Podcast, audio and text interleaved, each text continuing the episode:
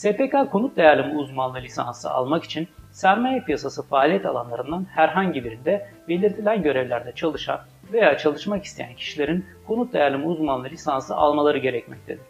Bu belgeye sahip olabilmek için sınava girecek olan adayların bölüm fark etmeksizin 2 yıllık ön lisans mezunu olması koşulu vardır.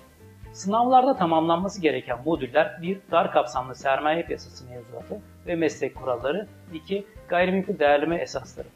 Adayların bu modüllerin her birinden en az 50 puan, ortalamada 60 puan ve üzeri not alarak başarılı olması gerekmektedir.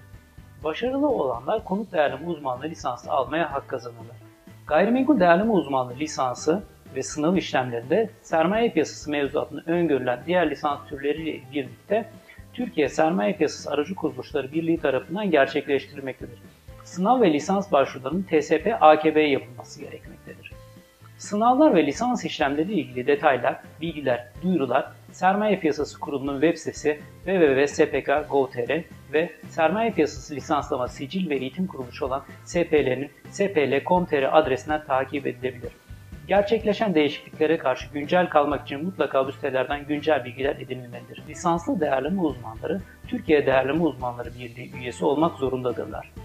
Diğer videolarımızda Expert, Gayrimenkul Değerleme Raporu, Gayrimenkul Değerleme Şirketi ve Gayrimenkul Değerleme konularında görebilirsiniz. Soru ve yorumlarınızı bu video altında yer alan yorum bölümüne yapmayı unutmayın.